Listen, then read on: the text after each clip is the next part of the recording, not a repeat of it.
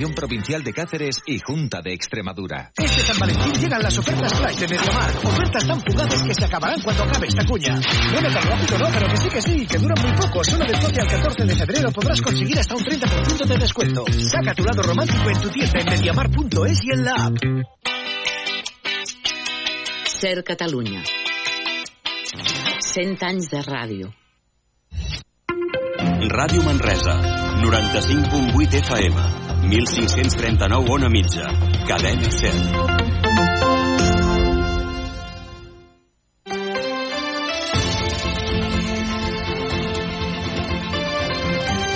Hora L, Catalunya Central. Eli Pagant.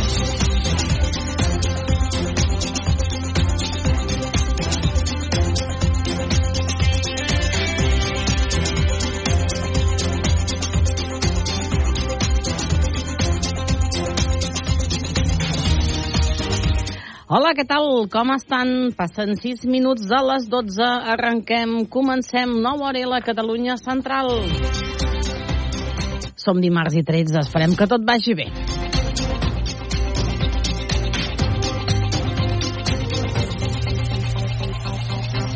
Hores ara tenim 12 graus al centre de Manresa, a Sant Domènec.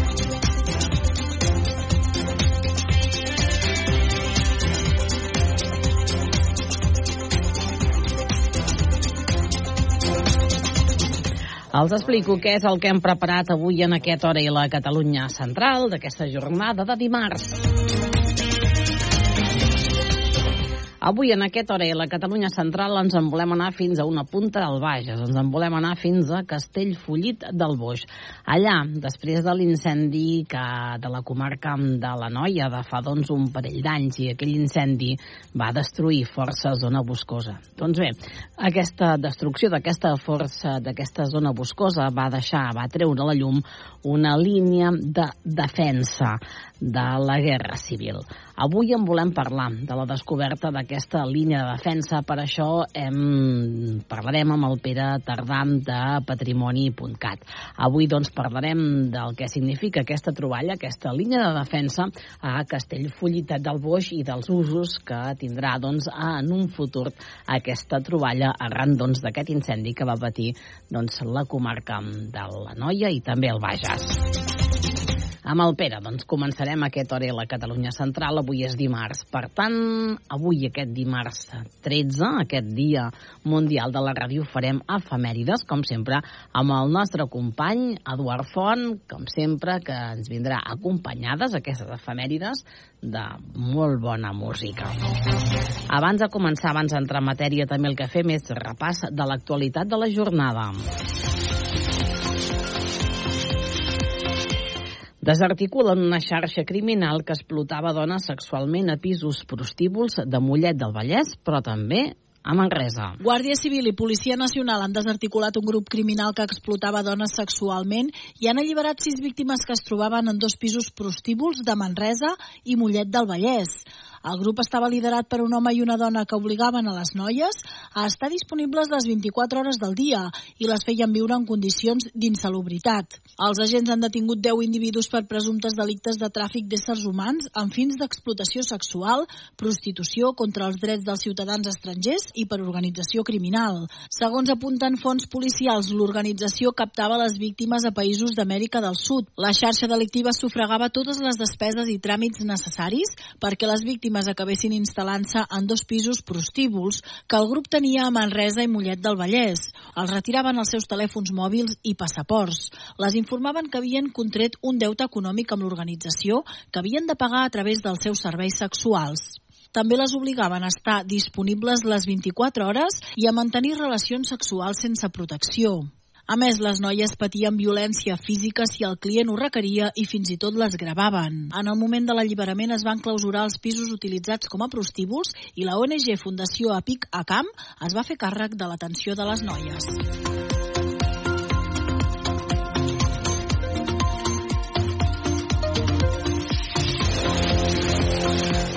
L'alcalde de Manresa, Marc Eloi, ha començat al barri de la Font dels Capellans visites de tot un dia als barris de la ciutat per recollir propostes de millora. L'alcalde de Manresa, Marc Eloi Guàrdia, ha iniciat aquest divendres de la setmana passada a la Font dels Capellans les visites de tot un dia als barris de la ciutat amb l'objectiu de mantenir un contacte més directe amb la ciutadania i de recollir propostes de millora provinents del veïnat, del comerç i de les entitats. Perquè per algun havíem de començar, però, però la Font és un barri que té molta activitat, que té molt de tot això que hem dit, que té una escola, que té comerç, que té eh, un casal cívic, que té una residència, i, i que a més és un barri amb molt sentit de pertinència, un barri molt actiu, i per tant ens va semblar que, que podíem començar, per què no, amb la Font dels Capellans.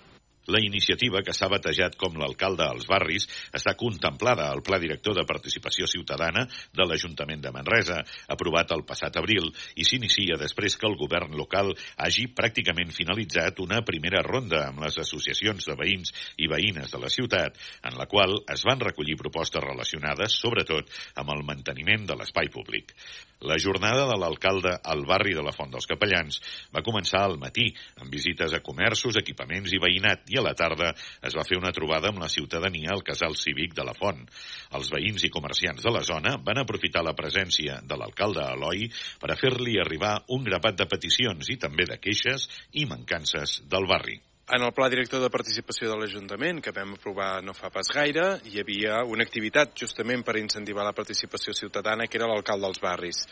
Portem sis mesos de mandat, eh, hem posat ja una bona falca a tots els projectes que tenim i, per tant, aquest any 2024 comencem amb aquesta activitat, l'alcalde dels barris, i es tractarà de eh, cada 15 dies, eh, dos cops al mes, eh, més o menys, doncs visitar un barri i fer-ho de manera intensiva, és a dir, hem començat començat visitant l'escola, en aquest cas som a la Font, després a la residència, hem visitat comerços, ara el casal cívic, eh, dinarem també al barri, visitarem alguna de les entitats que hi ha al barri i acabarem a la tarda amb una trobada amb tots els veïns i veïnes que, que vulguin eh, participar d'una conversa amb l'alcalde per, per traslladar neguits, preocupacions o idees que hi pugui haver pel barri.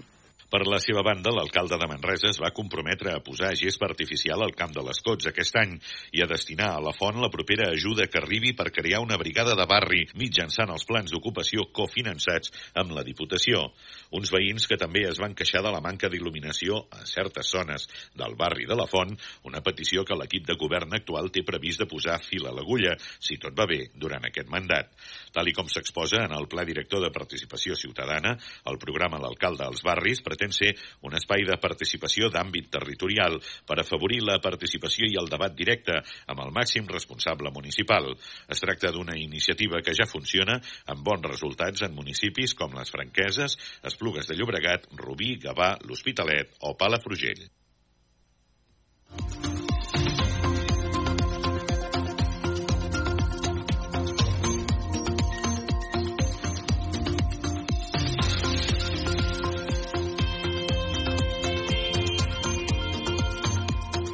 I ara anem a parlar del salari mínim interprofessional i és que l'onzena Federació Socialista del Bages, Berguedà i Solsonès celebra aquesta darrera pujada del salari mínim interprofessional aprovada a Madrid la setmana passada. L'onzena Federació Socialista Bages, Berguedà i Solsonès treu pit davant l'aprovació a Madrid de la pujada del salari mínim interprofessional.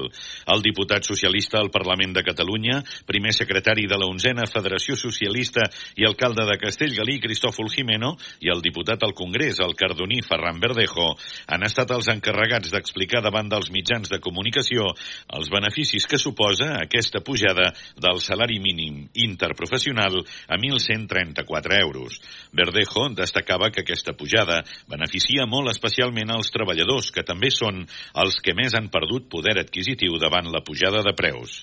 Dels treballadors i, i les treballadores i, eh, com deia, l'eina fonamental és el salari mínim interprofessional i, per tant, doncs, aquesta pujada era, era important i era indispensable.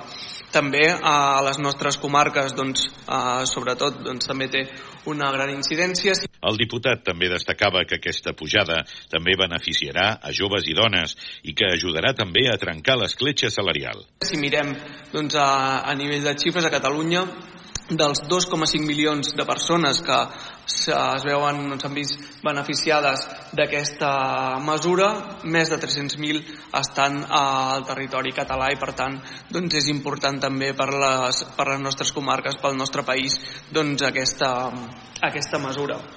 I sobretot eh, hi volem posar èmfasi en els dos col·lectius on tenen més incidència que sempre doncs, són dos col·lectius on pateixen dobles eh, discriminacions no? com són els joves i les joves del nostre país i també eh, les dones no? que són els dos col·lectius que més eh, tenen, eh, doncs, que més perceben aquest salari mínim interprofessional. La mesura implica assolir els 1.134 euros bruts anuals de salari mínim interprofessional en 14 pagues i amb efecte retroactiu des de l'1 de gener.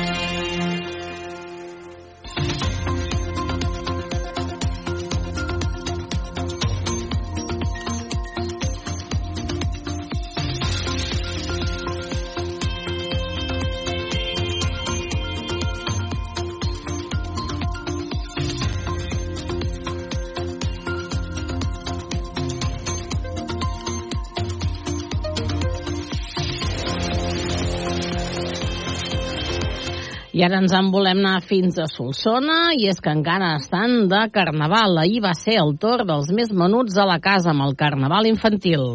Els infants solsonins van rebre aquest dilluns les claus de la ciutat i per un dia es van apoderar del Carnaval. Centenars de nens i nenes van rebre el rei Carnestoltes amb tota la comitiva de carrosses. Van entrar per la carretera de Torà i van continuar fins a la plaça del Camp, on es va fer el sermó i els balls. També es va fer la tradicional penjada del ruc petit a la Torre de les Hores, que ha quedat col·locat al costat del ruc gran que es va penjar dissabte. Tots els actes del Carnaval dels grans concentrat en un sol dia i on només els petits són els protagonistes i per a molts aquest dilluns és el millor dia. Doncs és un dia per als nens, bàsicament, perquè puguin disfrutar també d'aquest carnaval que, només, que no només sigui pels adults. I també hi ha gegants petits, que són rèpliques dels grans, i són com, són com rèpliques dels grans perquè els petits també els puguin disfrutar i ballar-los i tot això. Perquè és un lloc, és, és una... Eh, bueno, tot el carnaval és una setmana així de molt alegre i el carnaval infantil ho és més perquè és dedicat a, bueno, als nens, està fet especialment pels nens i les nenes. Doncs molta diversió i jo sóc molt carnavalera. M'encanta el carnaval. Doncs Solsona, que viu intensament aquest carnaval que encara continua.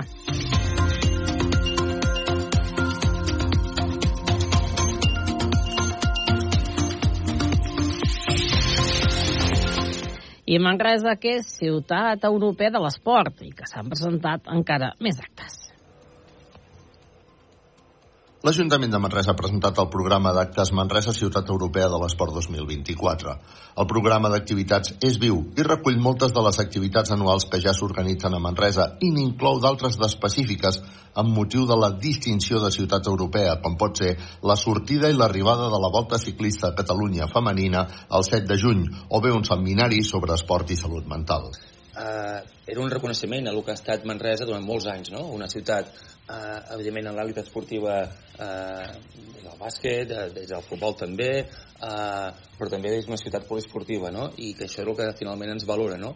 Però també hi ha un reconeixement i de la, de la distinció aquesta pel fet de que l'Ajuntament des de fa molts anys, aquests ajuntaments democràtics han desenvolupat una política esportiva municipal eh, que ha afavorit eh, que hi hagi doncs, això, doncs, esportistes, com per exemple doncs, en, en Tierno, eh, de la GIVA, que gràcies a, unes, a, una, a un programa de, de, de l'Ajuntament de Manresa, de la regió d'Esports, com és Esports de la Carta, doncs, a dia d'avui, doncs, per segona vegada, estarà en uns Jocs Olímpics, no?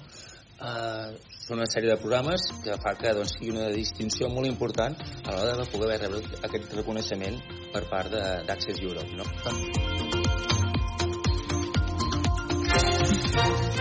Portades anem pel diari Regió 7, que es fa ressò d'aquest alliberament de sis dones obligades a prostituir-se 24 hores en pisos prostíbuls de Manresa i de Mollet. També que els pagesos tallen l'AP7 i l'eix transversal que bloquegen accessos a Mercabarna i al port de Tarragona. I és que continuen aquesta mobilització pagesa i que el Bages comença l'any amb un augment del 65% del nombre d'ofertes de treball.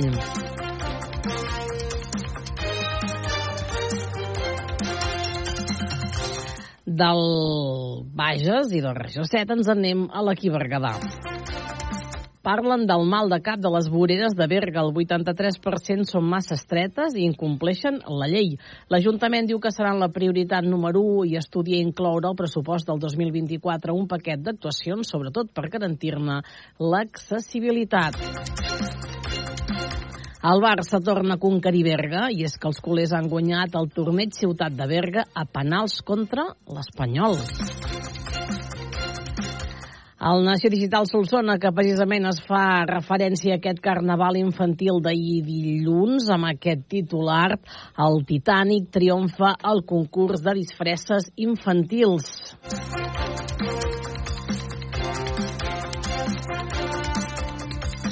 I del Nació Digital Solsona ens anem a l'Info Noia Empucat. Impucat anem fins la comarca de la Noia. La policia local d'Igualada incorpora 8 nous agents i recullen 175 quilos de deixalles del riu Anoia.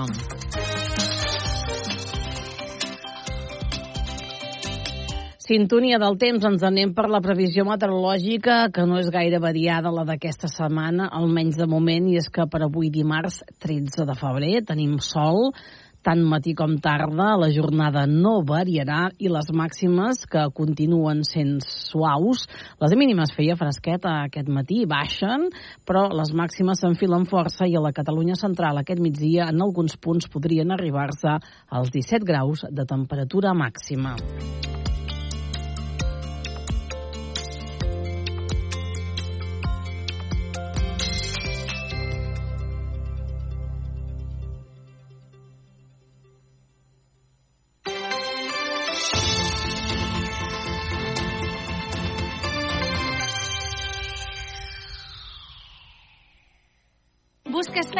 Et donem la solució. Coneix i consulta l'empresa GCT Plus, l'empresa de treball temporal que es posa a la teva disposició per ajudar-te. Et donaran resposta immediata a les teves necessitats laborals amb oficines arreu del territori català. Deixa'ns ajudar-te i vine a la més propera, a Manresa, Igualada o Berga. Consulta la web gctplus.com. Empresa col·laboradora amb el Miliarum Montserrat 2025. Ràdio Manresa en directe a cadenaser.com. Troba'ns al web de l'emissora per escoltar els podcasts dels nostres informatius i programes i escolta'ns en streaming a cadenaser.com barra emissora barra ràdio barra baixa Manresa.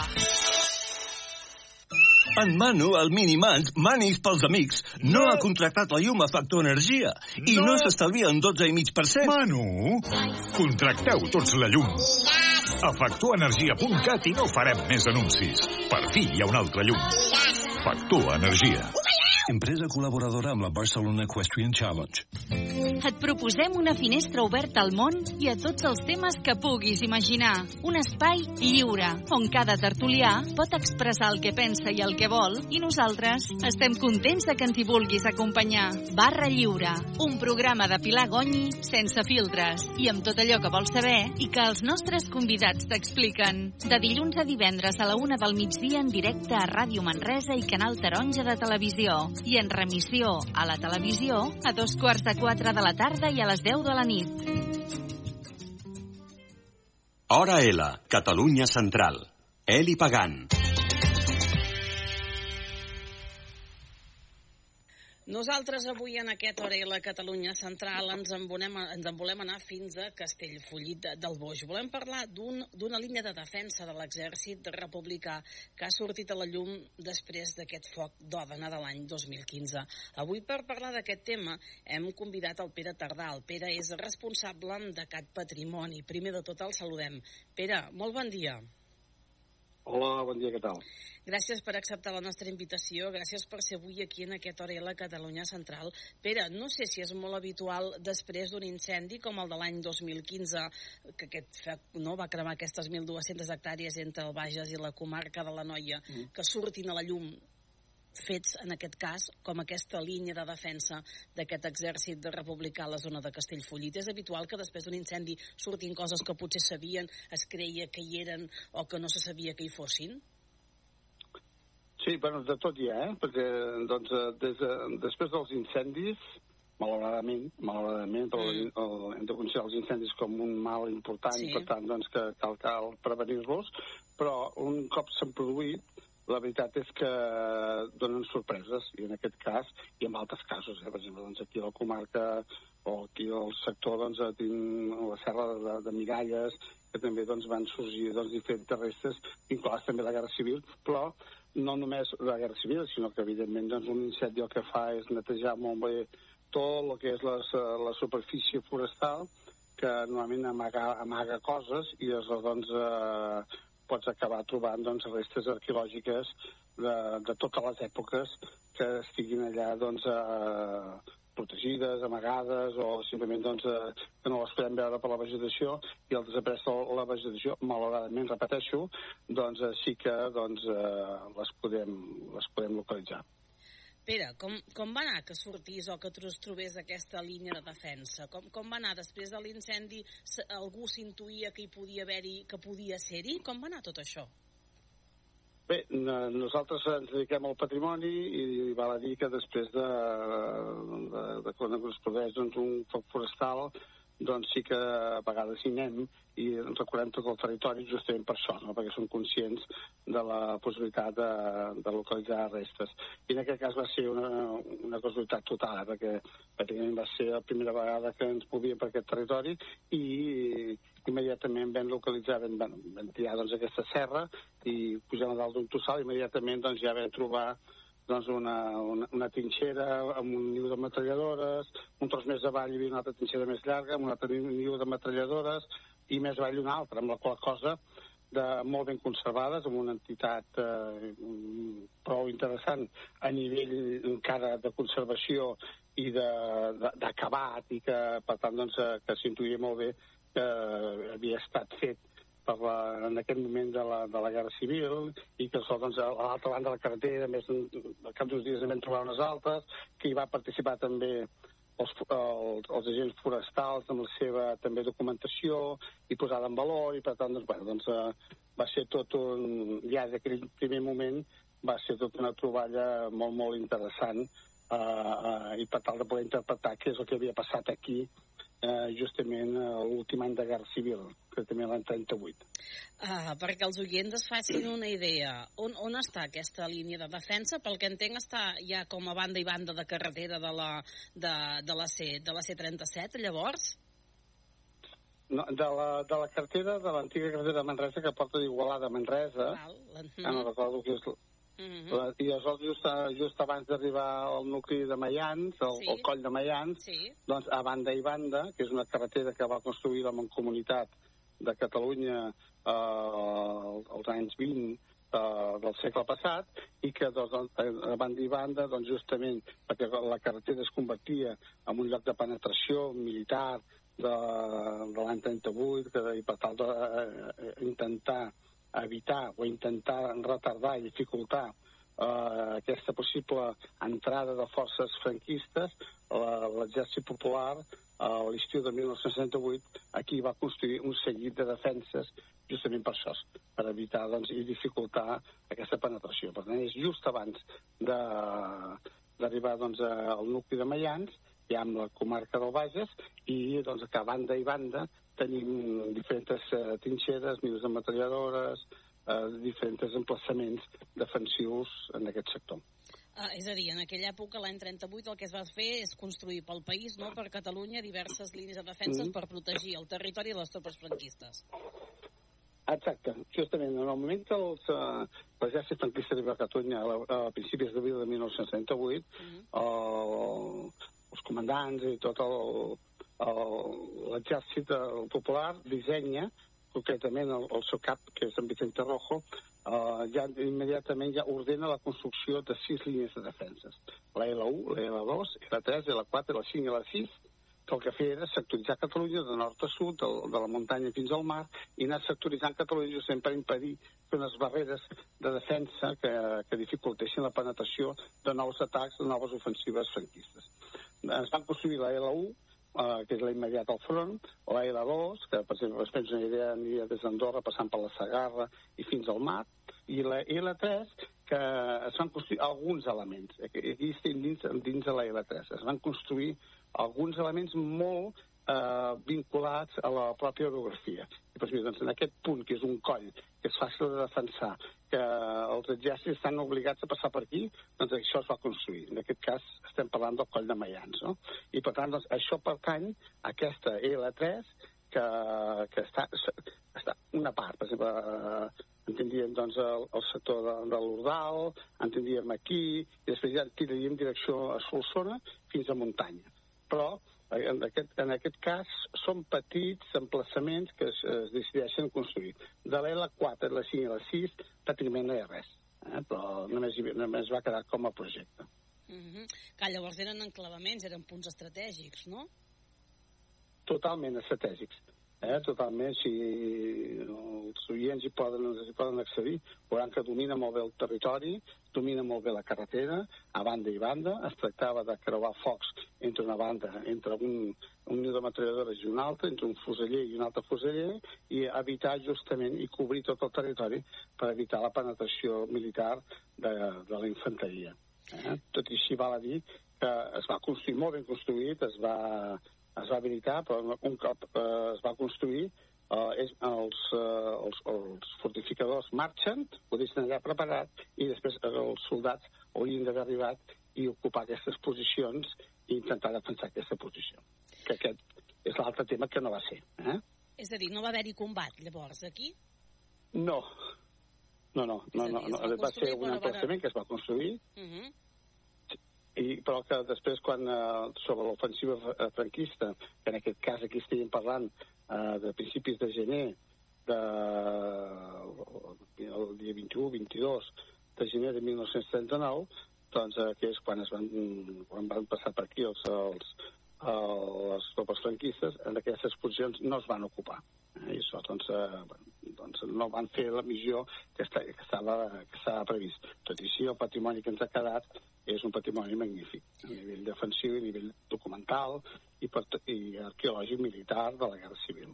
I si ha trobat, i heu trobat alguna cosa més, a banda doncs, d'aquestes construccions, eh, el que dèiem, el que ens explicaves, per algun tipus de material alguna Sí. cosa, què heu trobat?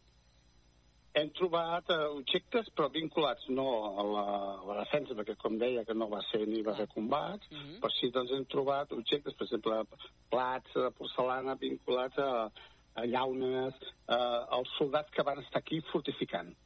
Eh? O sigui, en aquell moment, doncs, eh, doncs, com que van estar aquí uns quants dies, doncs, excavant i, i fortificant, doncs, eh, havien de menjar aquí, doncs, aquests anaven deixant doncs, aquest rastre de materials que nosaltres hem pogut documentar-los. Eh? Però, doncs, eh, inclús soles de sabata, de que algú doncs, li va fer bé doncs, el calçat i doncs, hem trobat les soles de goma, hem trobat doncs, aquests plats ceràmics, eh, algunes llaunes de conserva que portaven a sobre, que, que els hi portaven, per tant, doncs, bueno, doncs eh, aquesta, a- aquests elements vinculats a la, a la construcció d'aquest espai. Uh, Pere, clar, això es fa, fa ja, no?, arran de l'incendi, uh, surt a l'ullum aquesta línia de defensa. En quin procés està tot això? Perquè, clar, ara això s'ha trobat, uh, vosaltres també, com deia, eh, ja heu trobat aquestes, aquests petits objectes, aquests objectes. Què s'hi farà? Com va això? Hi ha una segona fase? Com, com, com funciona ara? O com Bé, anirà? després de, de la localització, doncs, eh, el que hem promogut ara, ja fa uns anys que es va, hi va haver l'incendi, es va localitzar, Sí. va estar parat fins ara i ara doncs, vam fer una proposta en la qual doncs, eh, la Diputació de Barcelona, que, que té una línia de, de projectes de memòria democràtica, doncs l'Ajuntament vam presentar l'informe, l'Ajuntament va presentar la sol·licitud i aleshores, gràcies a una subvenció, s'ha pogut fer aquesta primera intervenció arqueològica per tal de recuperar físicament aquests espais. Uh, ara estem pendents de l'any aquest any que ve, que, bueno, aquest any que estem ara, El el 24, doncs, de fer una segona fase i poder recuperar tota la resta de trinxeres d'aquest sector, del sector nord, i després, doncs, a, a través del Memorial Democràtic de la Ciutat de Catalunya, també sol·licitarem la, la possibilitat de poder senyalitzar aquests espais per tal de que el visitant, l'usuari del territori, doncs, pugui entendre què és el que és, la importància de les restes, i, per tant, doncs, esdevenir, doncs, això, doncs, un espai de turisme cultural, de turisme memorial, d'un espai de memòria en si mateix i com que és un, és un espai prou singular perquè de la L3 n'hi ha molt pocs recuperats i més menys, i, i menys excavats, i per tant doncs, eh, doncs és un espai molt singular i que ens explica molt bé com la, els esforços titànics que va fer la República per tal d'intentar defensar el territori en aquest últim any de, de guerra, eh? amb la participació de, de soldats des dels 18 anys fins a gent gran que anaven a fortificar fins als 55 anys. Per tant, doncs, eh, és important que pugui explicar això. Doncs avui nosaltres li agraïm molt amb el Pere Tardà que ens hagi volgut eh, acompanyar en l'hora explicant-nos doncs, aquesta recuperació d'aquesta línia de defensa no? i emmarcar-ho doncs, històricament de què eren no, amb aquests fets eh, de, la, de la Guerra Civil. Pere, moltes gràcies. Gràcies a vosaltres eh, per l'interès i res, doncs a veure si podem continuar i, i acabar de, de posar en valor aquest espai que ja dic que és un espai molt, molt, molt singular aquí en el, en el territori. Molta sort, Pere, que vagi tot molt bé. Adéu-siau. Gràcies, Déu, adéu.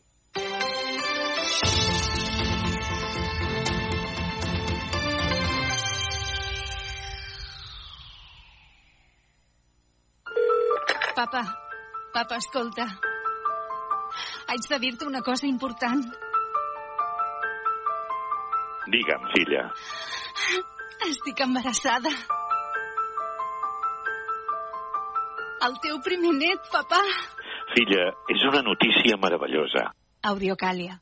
No et perdis les grans notícies que dona la vida. A Solsona, pare Claret 6. I a Manresa, carrer Àngel Guimarà 17.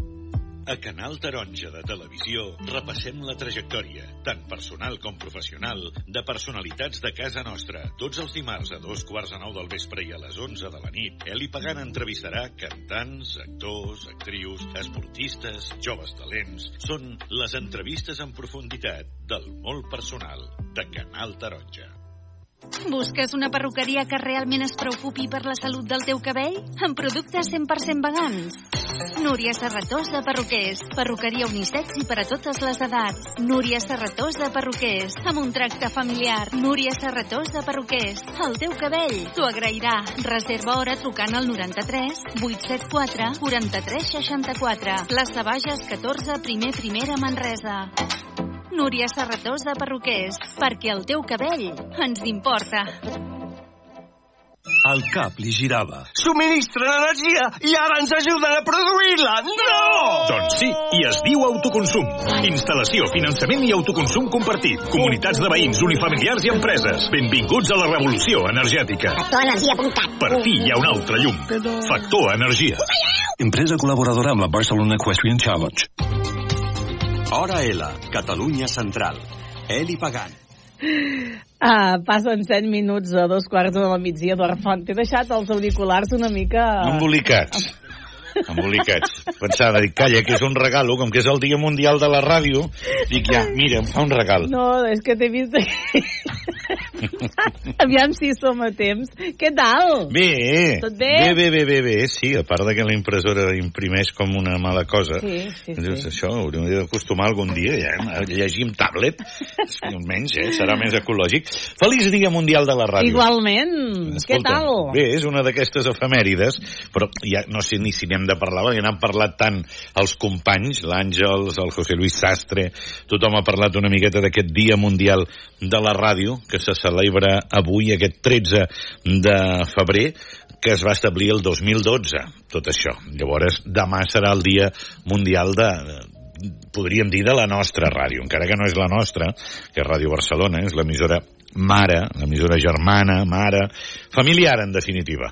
Doncs això, ells sí que, que demà fan 100 anys.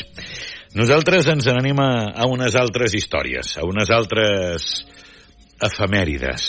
Ens plantem al 1839.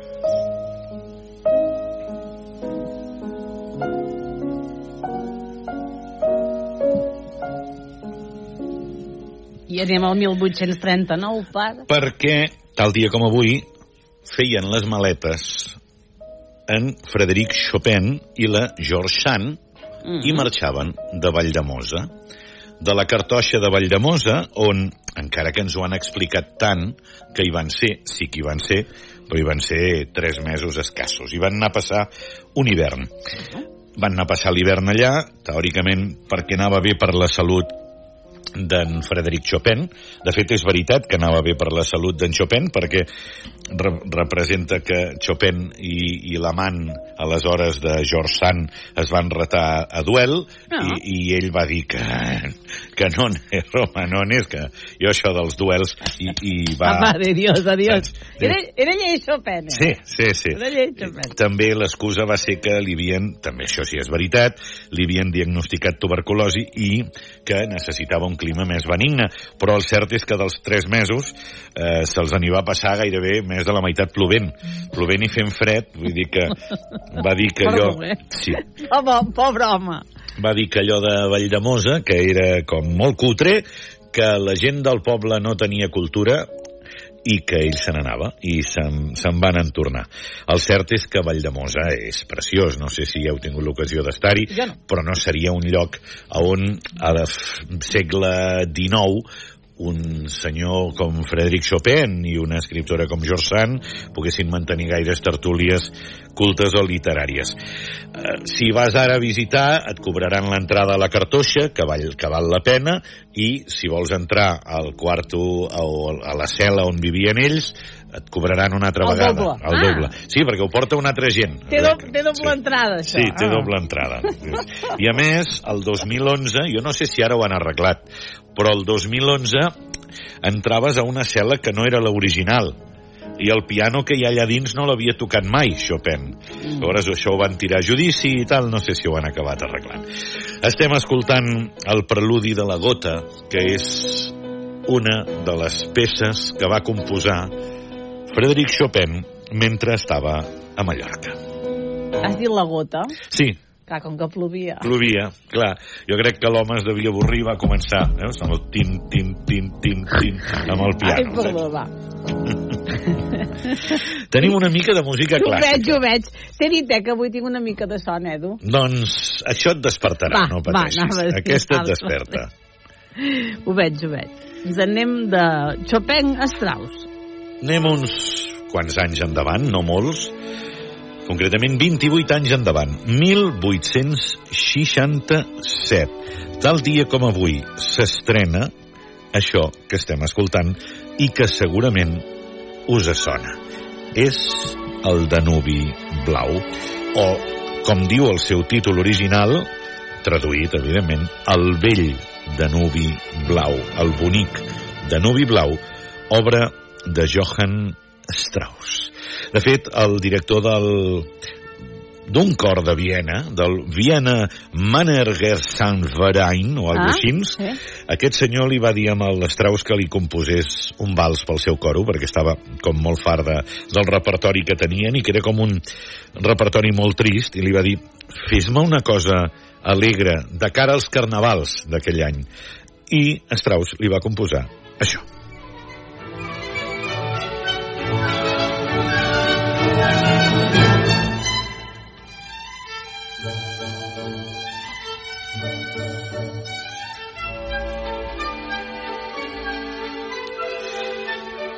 Es va estrenar a la Sala Diana de Viena i el cert és que, bé, els hi va agradar, però no va ser allò... Ah, no? No, no, no, no, no els hi va fer especial gràcia. És, és curiós. Llavors, l'home, Strauss, que sí que estava convençut de la peça que havia fet, se la van dur a l'exposició universal de París, a l'estiu del mateix 1867. La va estrenar allà, dirigida per ell mateix, i allà sí que va ser un autèntic èxit. Èxit fins al punt que el príncep de Gales el va convidar a Anglaterra, va fer sis concerts al Covent Garden, etc etc. i des d'aleshores és una de les peces de música clàssica més escoltades. Evidentment, al final del, un dels finals del concert de cap d'any, i fins i tot diuen per aquí, allò que busques per internet, i dius, ah, sí? Que Mèxic fins i tot és una cançó d'aniversari, saps? Ah, sí? Es fa servir cantada amb una lletra, queremos pastel, pastel, pastel, i dius, jo no... No sé, és, ells sabran, perquè és en mexicà i clar, a mi no em surt. Clar. Però no s'ha acabat això, eh? Continuem. no, hi ha Vinga, més va, I espera't, que sí. acabarem amb música clàssica avui, Ubei, també. Ui, sí. Vinga, va. Uns anys després, 1883, moria als 69 anys Richard Wagner. Què dir de Wagner? Doncs això, nascut a Leipzig el 22 de maig del 1813, mort a Venècia tal dia com avui del 1883, 70 anys després. I compositor de meravelles com aquesta cavalcada de les Valquíries. Un Wagner que va ser dels primers a ser un artista una miqueta global, perquè era compositor, director d'orquestra i també escriptor, és a dir, va, va arribar un moment en què feia fins i tot textes de les seves pròpies òperes, de les seves pròpies composicions. Va ser fundador de Bayreuth, del que és el gran teatre wagnerià encara avui en dia de Bayreuth, on ell sí que estrenava ja les seves composicions, però, evidentment, el que sí que va composar és grans peces com aquesta Valquíries, com Parsifal, com Tannhäuser, Lohengrin.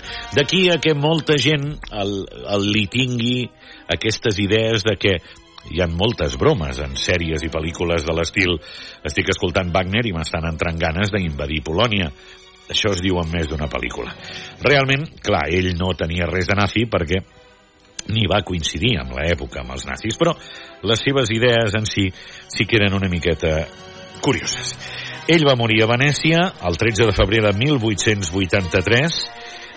Va ser portat, això sí, al seu cos a Bayreuth, a on està enterrat al jardí de la vila Bayreuth.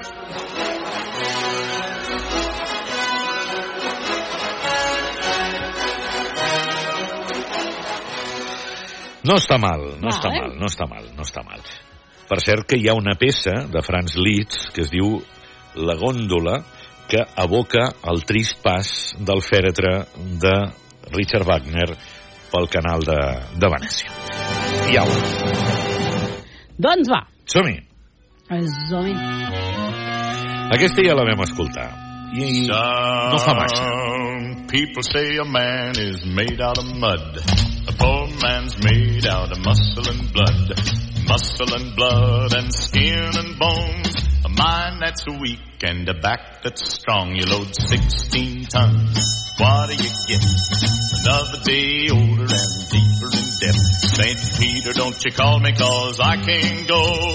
I owe my soul to the company store.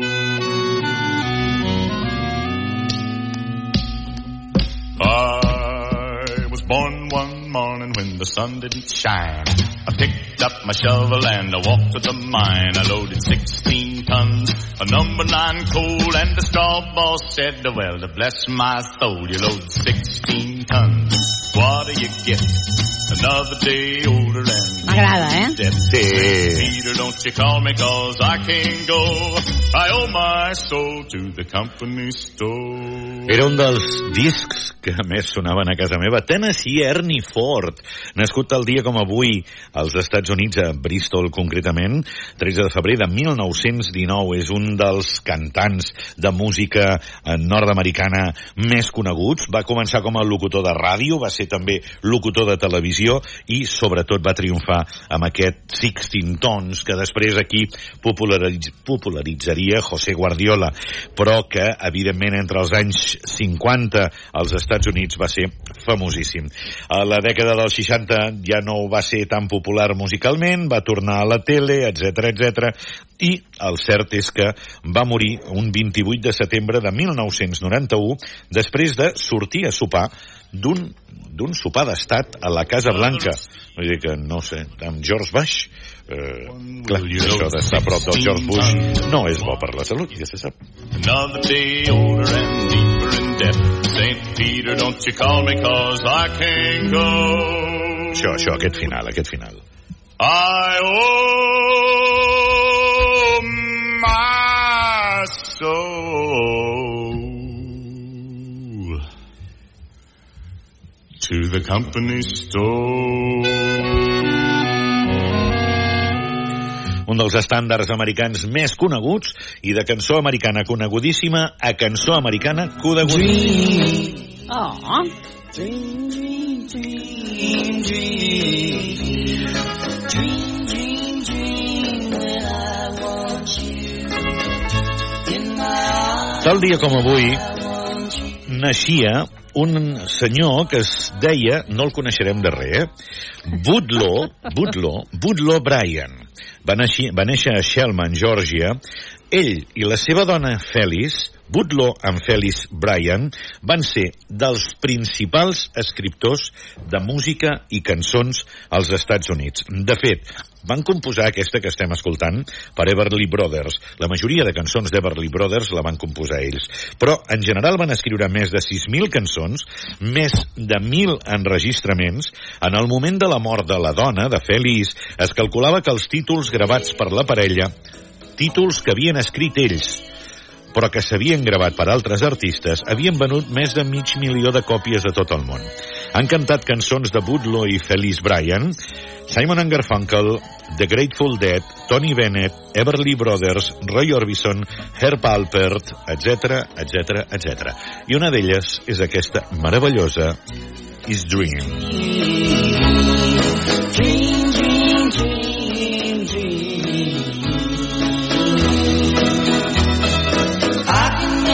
mind. Takes two lips of wine any time, night or day. Only trouble is, he will.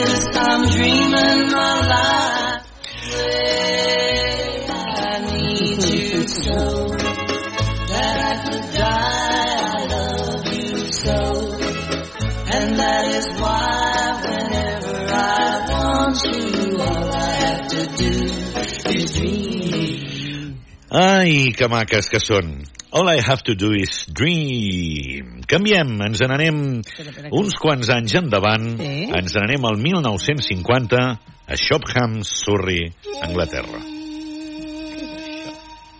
Ho coneixeràs, ho coneixeràs.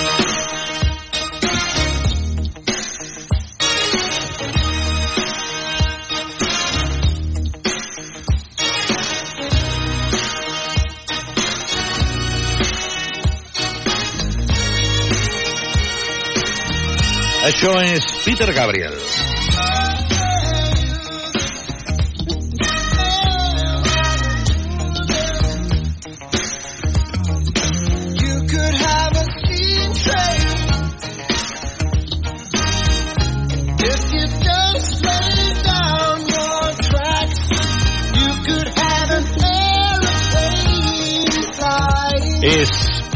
Peter Brian Gabriel, nascut tal dia com avui, el 1950, Peter Gabriel en solitari cantant Sledgehammer, un dels seus número 1 de l'any 1986, però ell va començar a ser conegut com a cantant i flautista i fundador de la banda Genesis. Al final, amb problemes amb el que era el representant i amb algun component de la banda, es va acabar separant. El que passa que ho va fer bé, a diferència d'altres que passava el mateix, ell va deixar que la banda continués, no es va quedar en plan, no, si jo plego vosaltres no jugueu més. No va deixar que la banda continués, continua evidentment encara eh, fins fa ben poc, i ell va fer la seva carrera en solitari. En Peter Gabriel no només va tenir aquest èxit, n'ha tingut moltíssims més, però a sobre té una vessant eh, solidària absolutament important. Ell està ficat completament, de fet és un dels fundadors del projecte WOMAT, WOMAT World of Music, per promocionar la música a nivell del món i desenvolupar la distribució de música per mitjançants digitals, sempre des de la vessant humanitària. Participa normalment amb Amnistia Internacional, amb els drets humans, etc etc.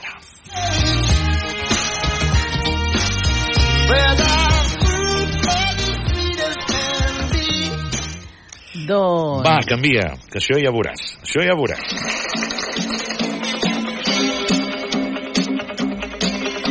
1954, a Tànger.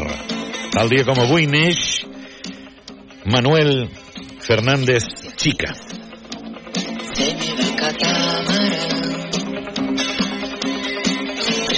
Veritat que cantava també, eh? Sí, oh, i tant. Va tenir... De fet, aquest, aquest, aquesta cançó va ser el Sálvame. Tenia això com a careta durant un temps, perquè aquesta cançó es diu Sálvame. Tal dia com avui naixia Viviana Manuela Fernández Chica, Vivi Anderson, que va néixer amb sexe biològic masculí, però ella es va sentir sempre dona, va néixer a Tànger, però als 13 anys se'n va anar a Màlaga i després li va tocar anar a fer la mili a Barcelona. A partir d'aquí ja va començar la seva carrera artística i la seva carrera també en el món del cinema, de la tele, de la música, etc. De fet, va publicar el seu primer disc el 1980, on pertany aquesta cançó Sálvame. Cantar és molt dir, eh? Cantar Cantar és- és, molt dir és- després del que acabem d'escoltar, eh? Sí, sí, sí. És allò. Ara s'ha de dir que la senyora ho ha sapigut fer molt bé, eh? Sí, tot excepte pagar Hisenda. Exacte, pagar Hisenda li ha costat Li ha una mica. costat una li ha mica. costat una casa en piscina, bàsicament. Bé, segons diu aquí, li va costar una casa amb piscina i dos pisos a Màlaga. Cal dir que la casa amb piscina li van comprar els seus amics Alaska i Mario i tot i així Que no hi viuen. que no hi viuen, efectivament. Vull dir que des d'aquí fem una Veus? crida. què? Sí, en què? Anar-la a ocupar? Home, ja, si tens una casa a Boadilla del Monte, amb piscina, i no en fas res... No, escolta, sí, no, no, jo en faria, en faria ús. Ja t'ho Doncs vinga, anem al Boadilla del Monte. Vinga. Avanço, eh, Edu? Sí, vinga, va. tira un tros endavant perquè, perquè veig que comença amb un speech, comença amb un speech, i és això, perquè tal dia com avui naixia a Badalona Miguel Poveda. quería. Y bajo tus besos en la madrugada, sin que tú notaras la cruz de mi angustia, solía cantar.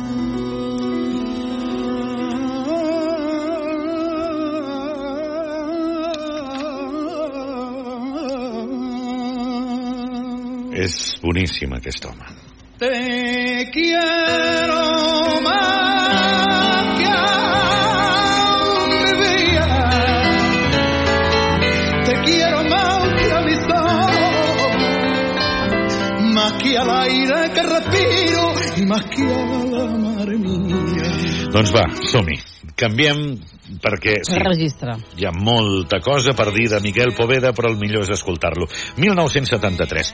Un any després naixia Robert Peter Williams, a Stoke-on-Trent, Anglaterra, Robbie Williams. That's salvation. Let's their wings unfold. El membre més jove dels Take That, un senyor que creu en ovnis, de fet, durant dos anys, del 2007 i el 2008, va parar de fer música per centrar-se en la seva obsessió pels ovnis. Fins i tot va fer un programa per la BBC basada en el fenomen ovni i que l'última vegada que el vam veure als mitjans de comunicació va ser l'any 2019 perquè es barallava amb el seu veí, que era Jimmy Page, perquè el veí és, és a dir, ell volia construir una piscina al soterrani de casa seva. Jimmy Page no volia. Es van denunciar mútuament. I al final va acabar eh, que com a Jimmy Page era cantant dels Led Zeppelin, ell es va dedicar a posar-li música d'altres bandes, com Black Sabbath, Pink Floyd o Deep Purple, a tot volum per les nits per emprenyar-lo. Doncs va, canviem. El camí aquesta m'agrada. Ja, però és que ah, no va, podem... Vale, va, va. Mm. Espera, espera. Espera, espera, espera, espera, espera, espera, espera, espera, Què? No, no, espera. Espera, què vols que faci? Vinga, la 10, vinga, va. No, Ah. vull, vull que em vagis a buscar Boig per tu, de Carles Sabater Ah, i Sau, vale, perquè bé. jo crec que hem d'acabar amb aquesta. Encara que mentre ho fas, ens saltem una per anar fins al 2016 i, i dir que tal any moria Louis Clark. Conegut? No, perdó, el 21, fa dos anys. Louis Clark va ser el director dels Hooketon Classics. Us sonen aquells discos que es parlava, que era això, música clàssica modernitzana? Doncs Louis Clark en va ser el director. També va ser l'arrangista de la ELO. I acabarem amb Carles Sabater. que com us ha recordat tothom, també va morir tal dia com avui.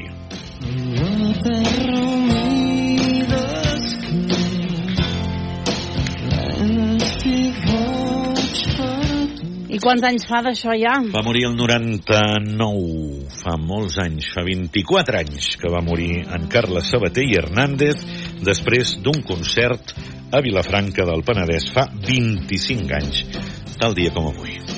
Com et puc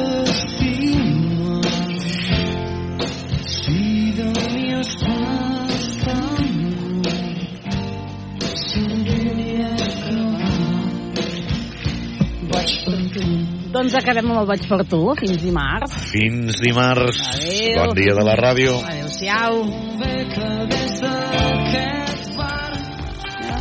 El ministro de Agricultura, Luis Planas, va a recibir a las organizaciones agrarias esta semana, el próximo jueves. Ha citado a Saja, UPA y COAG, que reconocen a la SER que si hay medidas, SER que si hay medidas de calado, se plantearán desconvocar las protestas de los agricultores que hoy siguen bloqueando carreteras, puertos y mercados. Carlos Sevilla, buenas tardes. Buenas tardes. Luis Planas ha citado a los representantes de Asaja, COAG y UPA el jueves por la mañana en la sede del Ministerio para abordar las reivindicaciones que ya le expusieron hace dos semanas, entre ellas la ley de la cadena alimentaria, la competencia desleal de terceros países o la simplificación de la PAC.